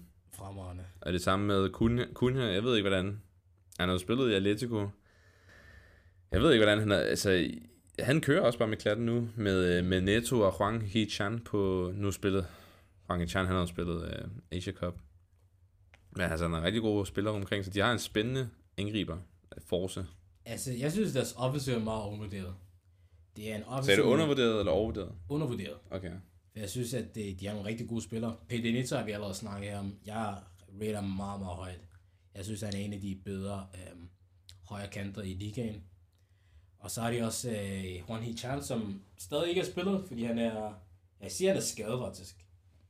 Men... Øh, Ja, han, blev, han blev udtaget til Asia Cup. Asia Cup. Så ja, men altså, også en rigtig god spiller. Topscorer for Wolves i den sæson, vil jeg sige. Øh, og så med Cunha selvfølgelig, som du har lige sagt, spiller som også spiller Atletico. Og vil man nok sige, at han spiller en, øh, i en adresse, som er måske lidt mindre end, end hvad han burde spille i. Så altså, det er rigtig godt. Og så også for at nævne Pablo Sarabia også. En, også en anden spiller, som Han er kommet ind, ja. når de andre har været væk. lige Og har gjort det rigtig godt. Og en spiller, som spiller i PSG, altså det er ikke en dårlig spiller. En landsholdsspiller fra Spanien også. Så altså, det, det er en, de Wolves, de har nogle spillere, som kunne potentielt spille i, i højere klubber. Men de render rundt i Wolves og laver nogle rigtig, rigtig gode ting. Ja, og de hygger sig sikkert, fordi et, det er Premier League. To, de tjener sikkert flere penge her, end de kan andre steder. Mm.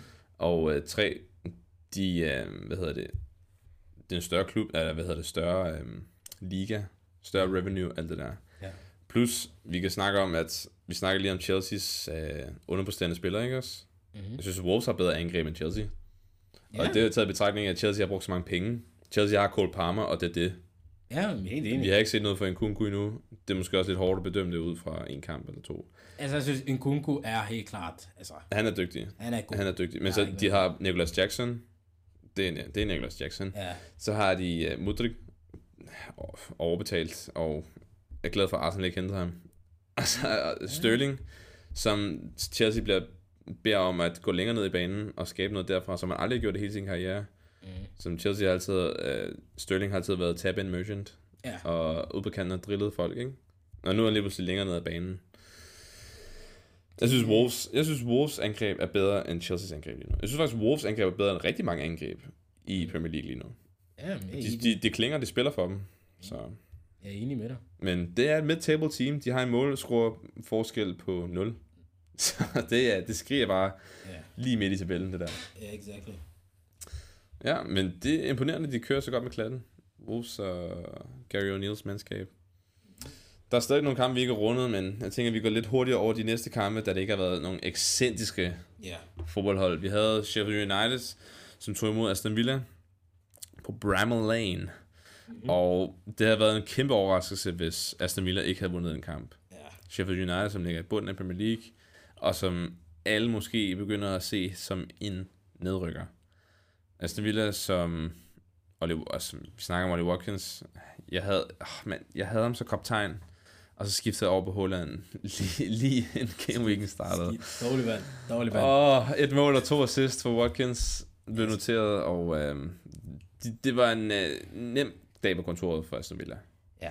Altså, Watkins, ham som anfører, he, he brought the bacon home. Ah. Det gjorde han. Og ja, hvad kan jeg sige i den her kamp? Altså, Vi jeg, forventede ikke noget af Sheffield, jeg har sagt, at Sheffield er et bottom-hold. Altså, de burde spille championship. og de kommer de også til. Det, altså, kampen, det stod 4-0 efter 20 minutter. What more do I need to say? Det var bare et hold på banen. Altså, Thielemann scorede. Jeg har ikke, jeg har, jeg har ikke mere at sige. I have nothing else to say, man. Ah, det var det. Tak for, det den, det. tak for den omgang, Sheffield. Tak for okay. den omgang. You. Ja, så har vi næste kamp. næste kamp. Det var Brighton mod Crystal Palace. Mm-hmm. Og, øh, Bri- og Crystal Palace, som igen, vi har sagt, at de har et par gode spillere, og det er det. Ja, ey. Jeg sagde det sidste uge. Jeg sagde det sidste uge igen.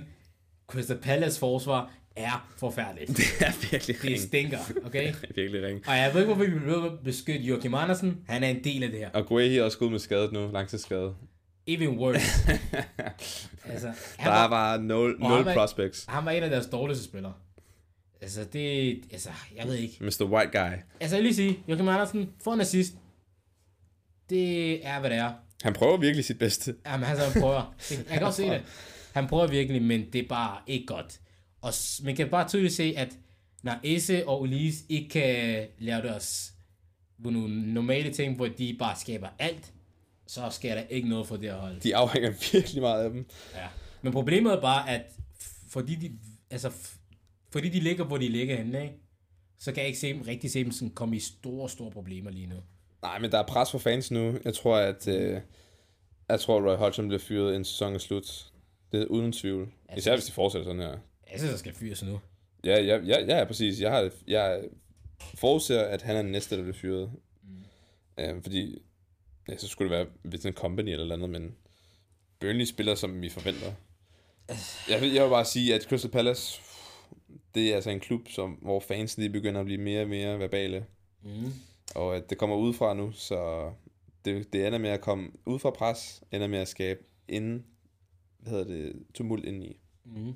Altså, nu er jeg ikke, jeg vil ikke stå fremligne som en, som er, som har, sådan kan lide ellers forskel, ikke? Okay. Men du Men hader Roy Roy Hod- Hodgson, er for gammel. Nej, nej, nej. okay. Roy Hodgson, it's time. Det er tid. altså, det er tid. Jeg ved, jeg ved, konen sidder derhjemme og venter. altså, det, jeg tror, det er tid nu. Rejse til Sydeuropa, Ah, men jeg er bare en ø. bro. Retirement, bro. It's right there. Du har like- gjort dit. It's time to hang up the boots. Du har gjort dit. Like, du har gjort det, du skal. Oh. Du har, du har intet bevis. Altså, du har været en respektabel træner. Du har haft en super lang karriere. Men det er tid. It's time It's to go. time, it's time to go, man. Nogle gange man er nødt til at se sig selv i spejlet. Og Altså- få lidt selvanerkendelse. Hvor står jeg henne lige nu? Jamen, det er det. Altså, også bare sådan, altså, Roy, han må bare kigge på det her trup og tænker, jeg kan bare ikke få mere ud af det her trup. Altså, Men, men stakkels mand, stakkels mand også sidste gang, hvor at han troede, han var færdig. jamen, det er det. Og så Patrick Vieira, Patrick Vieira Ja, blev fyret, ja. og så kommer han til Crystal Palace Board. Hey, Altså, det, jeg, jeg ved godt, det, det var svært for mig at sige nej, fordi de sidder bare sådan, like, vi kan tilbyde dig rigtig god løn. Roy, we need you just one last time. ja, præcis. Og så har jeg tænkt, jeg elsker Gylum så meget, så jeg bliver nødt til det. Roy Hodgson han sidder på en eller anden ø med en eller anden kokosnød og sugerør, og Ah. så kommer de og ringer til ham, og han var sådan, igen? jeg troede, du var færdig med mig. Oh my days, man. Og jeg, og, jeg, og jeg har været i Crystal Palace. Altså, jeg ved, hvordan det er. Det er ikke, det, altså, det er ikke nede i uh, Madagaskar. Nej, Det, this is, uha, this is London. this is London and South London.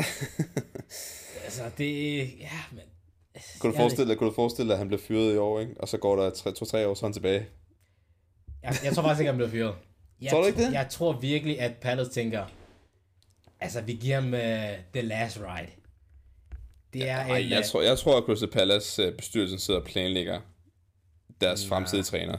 Jamen, det, det tror jeg. Jeg tror, at til sommer får det helt sikkert en ny træner. Men jeg tror ikke, de fyrer ham før sæsonen er slut. De var også en rigtig. Jeg ved ikke, om den rigtig skal være.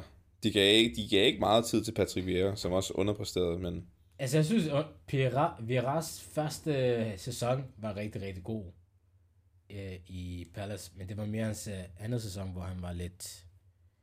det så shaky ud. Altså, det så shake ud, men jeg synes også, at han fik en måske lidt for kort snor.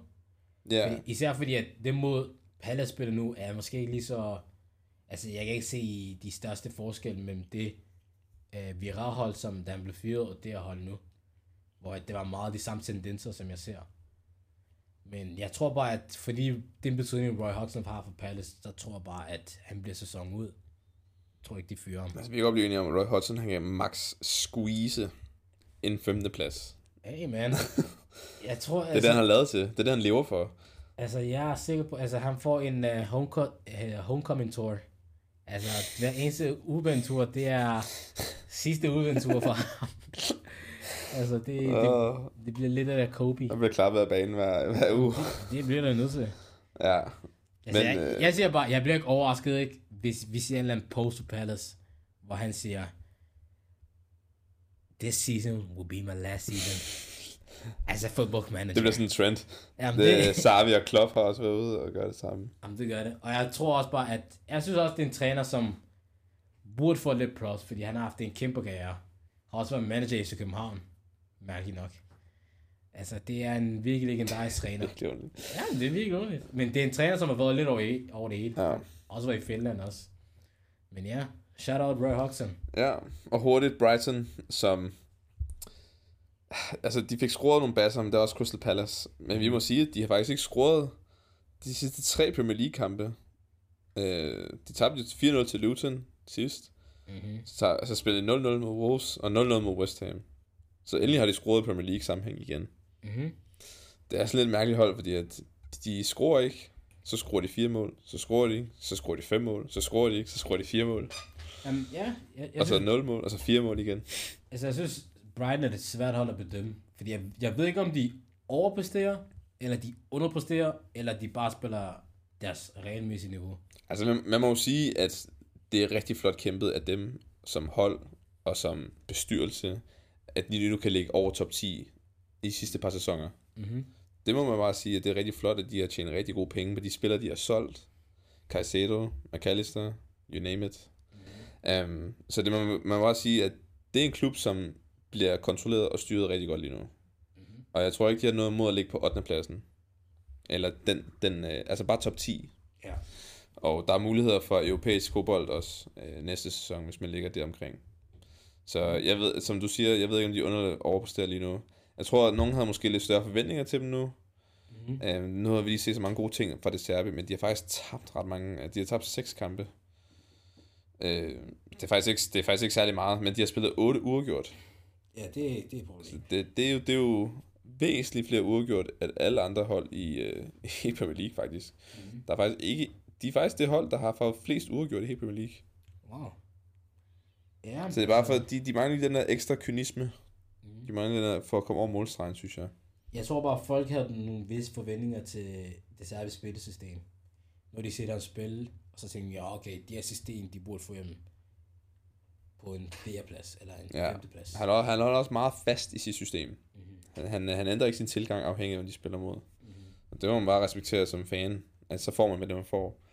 Men øh, jeg glæder mig til at stadigvæk at se en Evan Ferguson, som spiller regulært. Altså nu er der snakker så meget om, at han er Irlands næste håb. Mhm. Og han har altså virkelig været dygtig, når han har spillet. Men han spiller altså ikke så meget. Det må man bare være ærlig at sige. Så jeg håber, at de kan finde ud af det på et tidspunkt. øh, Og Evan Fergusons krop kan holde til en hel sæson. Ja. Men øh, det var den kamp, og der er stadig et par kampe tilbage, men det er måske de mindst sexede kampe. Ja. Fulham Burnley 2-2, og øh, Så Bournemouth Nottingham Forest 1-1.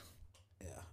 De, jeg så ikke de to kampe der, men ja, hvad kan jeg sige? Burnley, Tror du Burnley rykker ned? det er jeg ret sikker på. Eller, jeg ved det ikke. Jeg synes, bund, jeg synes øh, bundtabellen i Premier League er meget tæt. Men hvis de ikke rykker ned, så skal det jo være Luton, eller Everton, eller Nottingham Forest. Mm. Jamen, altså, jeg, ja, jeg, jeg føler bare, det kræver bare et godt run, og så er du, og så er du bare ude. Men, Ja, men, det er sandt, men jeg føler ja. bare, Burnley, de har ikke, altså, med, altså tre sejre, det er jo ikke nok. Ja, jeg kan også godt se det nu, det er ikke så godt det her. Altså tre sejre, det er altså man kan se, Everton, de ligger også under nedrykningsstregen lige nu, men altså det er jo fordi, de har fået de her charges, og de har frataget 10 point. Du kan se, at Everton har 8 sejre. Ja, ja, Altså det er jo øh, næsten lige så mange sejre som, som Chelsea, Brighton. det er virkelig højere. Så Ja, jeg, jeg, jeg kan godt se Burnley som en nedrykker i hvert fald. Det kan jeg i hvert fald godt se. Altså nu, når, når jeg ser tabellen nu, så ser det ret... Det ser ikke så godt ud. nej, Det må jeg ærligt sige. Og så er det, ja, Sheffield ikke engang nævnt. Altså, det er Derby par to. ja, men øh, vi har jo også nogle kommende game weeks, og meget hurtigt kan vi jo bare gå igennem, hvad vi tror kampene bliver. Skal vi gøre det som sædvanligt? Yes. Vi øh, har ikke lige sådan en kæmpe opgør, vi, vi kan starte med. Altså, de to største opgør, det er måske, øh, s- det, det, er en hold, det er en smagsag det her, men Spurs Brighton og Aston Villa Manchester United. Yes. Aston Villa Manchester United på Villa Park, tror du, den bliver til noget?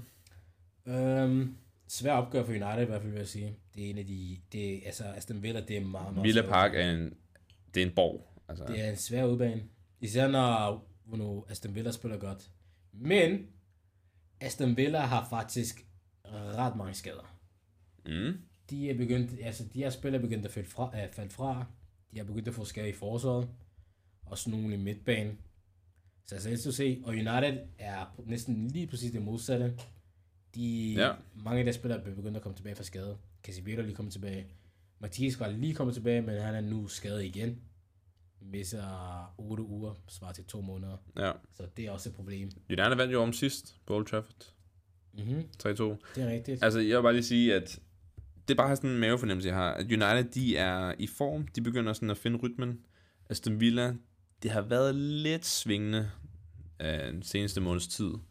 Så jeg vil hellere øh, hælde mere til en United-sejr. Men omvendt, så kan jeg bare forestille mig, at lige snart Villa de spiller mod de store klubber, mm. så får de mere blod på tanden. Ja. Det er det eneste, jeg frygter for Manchester Uniteds skyld. Ja, Jeg tror, at jeg, jeg, jeg holder ved det, jeg lige sagde, at United de er ved at finde formen, og at Aston Villa har et par skader. Derfor siger jeg, at United vinder 2-1. okay. Højlund skruer igen. Okay. okay. Jeg tror, at... Øh, jeg tror faktisk, den bliver 2-2. Fordi jeg, jeg er stadig ikke helt overbevist over Uniteds forsvar. Det er nat og dag, og især på udebane, der ser de bare... Altså, der ser de meget gavmilde ud. Så altså, Åbent hus. Jamen, det er det virkelig. Så hvis du ser, uh, Aston Villa skader, og det er vigtige skader. Lucas Digne, Ezra de Conta, to spillere, som er ude i måneds tid. Men Digne er lidt på vej tilbage igen, men Conte er ude i lang noget tid, så det, det bliver et problem for dem. Uh, Så du siger 2-2? jeg siger 2-2. Ja, jeg siger United sejr. Vi får se. Den anden store kamp, jeg nævnte lige før, det var Spurs-Brighton. Som, og den eneste grund til, at jeg siger, at det er en spændende kamp, det er fordi, at Spurs er en af de dårligste mandskaber til at holde clean sheets i år. Og Brighton omvendt er en af de mest aggressive hold, øhm, når det kommer til det. Og også rigtig dårligt til at holde clean sheet. Mm. Nu har de, jeg har lige nævnt, at de har spillet 0-0 øh, næsten to gange i træk. Men udover det, så tror jeg altså ikke, at den her kamp bliver 0-0. Det gør jeg ikke. Altså, jeg kan ikke forestille mig, at den her bliver 0-0 overhovedet. Jeg tror, at Spurs, de jo sagtens skulle vinde over Brighton. Brighton kunne også godt overraske Spurs, hvis de kom foran tidligt. Men jeg er nødt til at hælde den lidt til Spurs for fordi de er på hjemmebane. Så jeg vil bare sige en, en, en, en 3-1 til Spurs. Jeg tænker præcis det samme. Du tænker det samme? 3-1. Jeg, tror- jeg, jeg tror, at Spurs lukker mål ind. Jeg kan ikke forestille mig, at de ikke gør. Mm-hmm. Heller ikke. Men du, du, du er også enig om, at Spurs de klart vinder, eller hvad? Ja, jeg synes også, Spurs klar vinder. Um, Jeg tror, det bliver en ekscentrisk kamp. Jeg synes, at, jeg synes, du har meget ret med, at øh, begge hold, altså at Tottenham er meget dårlig til at holde målet rent. Men jeg synes, at øh, nu, Brighton på udebane, der er, de har, altså, vi snakker om gavebrud, ikke? Wow. De åbner alt op. Så altså, jeg tror, at, øh, jeg tror, især fordi Tottenham er rigtig god til at score på hjemmebane, så tror jeg, at Tottenham vinder den her kamp 3-1. Ja, men så har vi det helt samme resultat. Og det her, det har vi ikke planlagt på forhånd. Ja, absolut ikke. Uh, Nottingham Forest, Newcastle, Chris Wood, The Return. Uh, Ja, altså, har han ikke spillet mod dem før allerede? Det ved jeg ikke. Men Men... hat-trick mod dem sidste gang, de mødtes. yes, På udebane endda. let's see. Nu skal de til, uh, hvad, nu, hvad er det nu, City Ground, er det det, der hedder? City Nu Ground. skal de til City Ground. Så lad os se, om Newcastle de kan bounce back for den lidt akavede præstation mod Luton. Mm-hmm. Hvad du? Nottingham Forest, tror du, der er, der er en sejr i dem? Um, De er også, altså de ligger i en farlig position dernede i bunden af tabellen. De skal altså bruge nogle point. Altså, jeg vil sige, at denne kamp, det er en kamp, som de kan godt vinde. Fordi at Newcastle, altså de her skader, de er bare Store. store. Altså nu kan jeg se, Anthony Gordon også, han har også lige øh, fået en lille skade igen, så han er ikke engang sikker på at spille kampen. Så altså, Ja. der er ikke nogen angriber i den her klub lige nu. Nej, men jeg vil også lige sige, at Newcastle rent statistisk set akkumulerer den dårligste XG imod. Mm. De er faktisk endnu dårligere end Tottenham, som jeg lige nævnte, inkasserer hele tiden. Så Tottenham og Newcastle er de dårligste mandskaber til altså forventet antal mål imod sig. Mm. Så jeg siger bare, jeg tror, at Nottingham Forest om aftenen, City Ground, de kan godt score mod Newcastle. Så jeg, jeg tror, at det bliver en, en hed kamp. Mm-hmm. Men jeg, jeg siger, at den bliver... øh, Nu har jeg lige sagt, at Nottingham Forest score, men jeg tror, at Newcastle de tager den 2-1. Jeg siger en uh, Nottingham Forest sejr. Sejr. Ja. Wow, det er jeg, vigtigt. Jeg føler, at Newcastle, de er i... Altså, Det er vigtigt for dem at få en. skade, de her skadesproblemer, de er altså rest, stadig ret svære. Og så når jeg kan se, at Isak kommer til at miste kampen, og Anthony Gordon er tvivlsom. Wilson er skadet, ikke? Harvey øh, Wilson er... Har vi Barnes kommet tilbage? Har vi bare så lige kommet tilbage, men det er en spiller, som de skal... Han er ikke angriber, angriber. Ja, det, er Han er det. kant. Han skal, de skal langsomt køre ind. Han har ikke haft nogen preseason næsten. Nej. Så altså, det er, det er en spiller, som de skal køre langsomt, langsomt ind. Og Forrest, uha. Chris Wood kommer ikke til at spille i hvert fald. Han er ude med skade. Men nu er de får Anjoni tilbage igen. Ja. Så det er jo rigtig, rigtig godt. Er Gibbs White tilbage? Gibbs White er tilbage. Øh, Elanke er også lige tilbage nu. Elanke er også Han har tilbage. lige fået nogle minutter øh, Yes, yes, for yes. to år siden, og han spillede 77 minutter, tror jeg det var, sidste weekend. Så ja, jeg, jeg siger en uh, 2-1 Nottingham Forest sejr. Wow. Jeg siger 2-1 Newcastle. Mm. Så har vi Liverpool Burnley. På Anfield. Uh, 5-0. 4-0. Okay, yes. Så har vi Fulham Bournemouth. Mm, meget tæt opgør måske. Fulham Bournemouth. Jeg ved det ikke, jeg tror Fulham godt kan tage den. Selvom Fulham de lige spiller 2-2 mod øh, Burnley, så tror jeg Fulham godt kan vinde over Bournemouth på Craven Cottage. Og øh, jeg tror også sagt, ved du hvad, jeg tager det i mig igen. Jeg tror, om det er udgjort. Det her er de to Ja. hold, jeg ser som meget jævnbyrdige. Ja. også- Um, jeg ser en 1-1'er. Jeg siger 0-0. 0-0. Ja. Ingen mål. ja, jeg tror så langt kan blanke den her kamp. Ligesom han gjorde sidste uge. Lige præcis. Okay. Så har vi City Everton, som er en... Øh, det er den her, Uh. uh. den ikoniske 12.30 kickoff. Mhm. Uh, Det er så på Etihad Stadium, men tror du, at Everton de kan bringe noget? Altså, de stiller sig godt defensivt, og jeg tror, at City kommer til at have 80% af boldbesiddelsen. Mindst. Uh, ja, altså jeg synes bare kampe, der bliver spillet 12.30, de er meget, meget svære at bedømme. Så jeg er ikke helt sikker. Men jeg tror, City har det, der skal til. De mangler heller ikke nogen. De er ready to go. Så Mm. jeg, jeg siger en uh, 3-0 sejr til... Nej, jo, 3-0 sejr til City, fordi Everton er ikke særlig god til at score. Ja, jeg tror, den bliver 2-0. Jeg tror ikke, der kommer mange mål, men jeg tror, at City de vinder komfortabelt 2-0. Så har vi Wolves Brentford. Wolves, som vi lige har rost rigtig meget, og Brentford, som har vundet en ud af de sidste fem Premier League-kampe. Brentford, som bare, altså generelt den her sæson har virkelig haft det svært med deres form. Så derfor så tror jeg, at Wolves de vinder. Og øh, jeg ser Neto, som er i form, og kun her, som er i form, og jeg kunne blive ved. Lemina, der må jeg bare sige, jeg tror, Wolves de vinder 3-0. Uh, ja. 3-0. Altså, jeg synes også, at- altså, jeg synes også, at Brighton er begyndt at spille lidt bedre siden... Brentford. Ja, sorry. Brentford er, er spiller lidt bedre, Efter Tony kom tilbage. ja, siden Tony Ja, kom tilbage. Det er sandt. Og Mopai, som ja. ligner en helt anden spiller nu. Altså, der, jeg tror, det er hold, der kan true dem. Jeg tror ikke, at, øh, at Brentford ikke kommer til at score. Men jeg tror bare, at ja, jeg tror, at Wolves har det, der skal til for at slå dem. Så jeg siger en 2-1 sejr til Wolves. Okay, så jeg tror, at det bliver 3-1 til Wolves. Og så Brentford scorer på hjørne. Ja, maybe. Eller straffespark. Eller straffespark. Eller frispark. Fordi Wolves laver mange straffespark, eller? Nej, men bare... Tænk bare Tony. Mm. Tony. Vi har jo Luton Sheffield United, det mest ekscentriske, spændende, sexede opgør Ah, den her weekend kl. 4, samtidig med mange andre Premier League-kampe. Luton på hjemmebane, Kenilworth Road, tager imod bundholdet Sheffield United, The Blades. Luton sejr. Luton sejr. Luton, som har skruet 8 mål de sidste to kampe. Eh, Luton sejr. Er det nu måske investere i Luton angriber Adebayo, Morris? Det er måske, maybe. Ja, Maybe, Ja. man. jeg kaster den lige ud. Jeg har hentet Alfie Doughty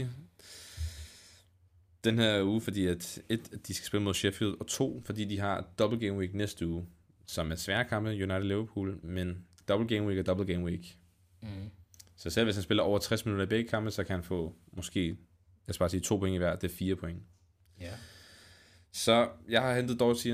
Jeg håber, at han kan brillere med et eller andet, i hvert fald et clean sheet mod Sheffield. Vi får se. Det gør vi. Vi har stadig to kampe tilbage, vi kan snakke om. Det er West Ham Arsenal. London Stadium. West Ham, som har strugglet lidt, synes jeg.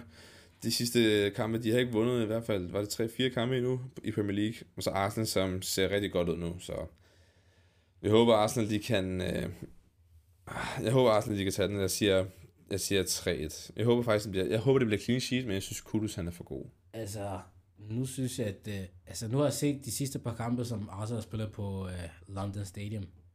Ja, det er svært. Tabte også, eller de spillede i sidste kamp, eller i sidste gang de var der, hvor de var foran 2-0, og Saka brænder på straffespark. Så altså, det, det, det, det, er svært spil. det er svært sted for Arsenal at spille i hvert fald. Og så er også de West Ham fans, de er meget, meget gode på udbanen.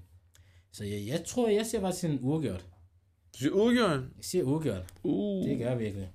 Jeg Okay. tror også bare fordi, at ved, alt det med, at Declan Rice vinder tilbage, og de der, der jeg tror, at de kommer virkelig til at sætte ind- indtryk på dem.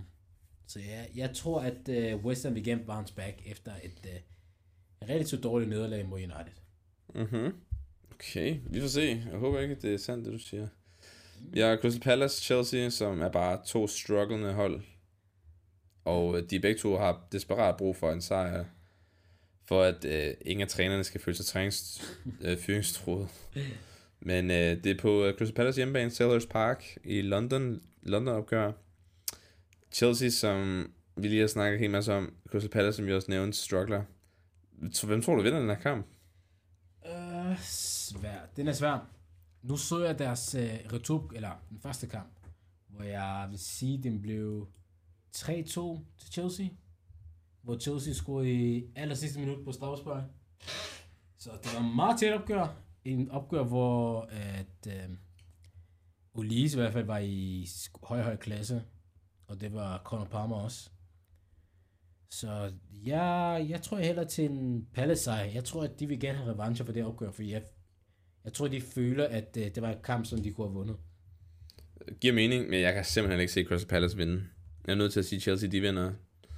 Ja, men Chelsea lukker også målet. Jeg tror, det bliver 2-1. Ja, I don't know. Ja, I don't know. I know. Så det blev 2-1. 2-1, hvor de fik straffespark i sidste minut. Ja. Hvor at uh, Madueke ikke scorede. Jeg tror, det bliver 2-1 til øh, Chelsea det igen. Jeg tror, den bliver 4-2 til Palace. Okay, wow. Ah, okay. Palace scorer fire mål. voldsomt, voldsomt, voldsomt, voldsomt. Men hvis de skal 3-2. score fire mål, så er det også Chelsea. 3-2. 3-2 til Palace. Du skal ikke tage, du skal ikke tage det i dig.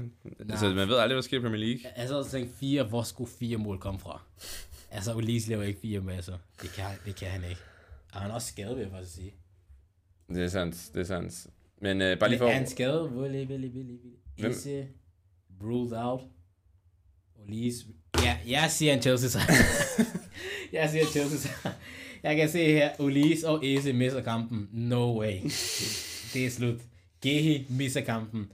Ja, det er en Chelsea sejr i mine øjne. 2-0 til Chelsea. Okay, så fik vi rundet alle de uh, score predictions, som I er forud for den her næste øh, game week. Det er game week 24, vi går ind i.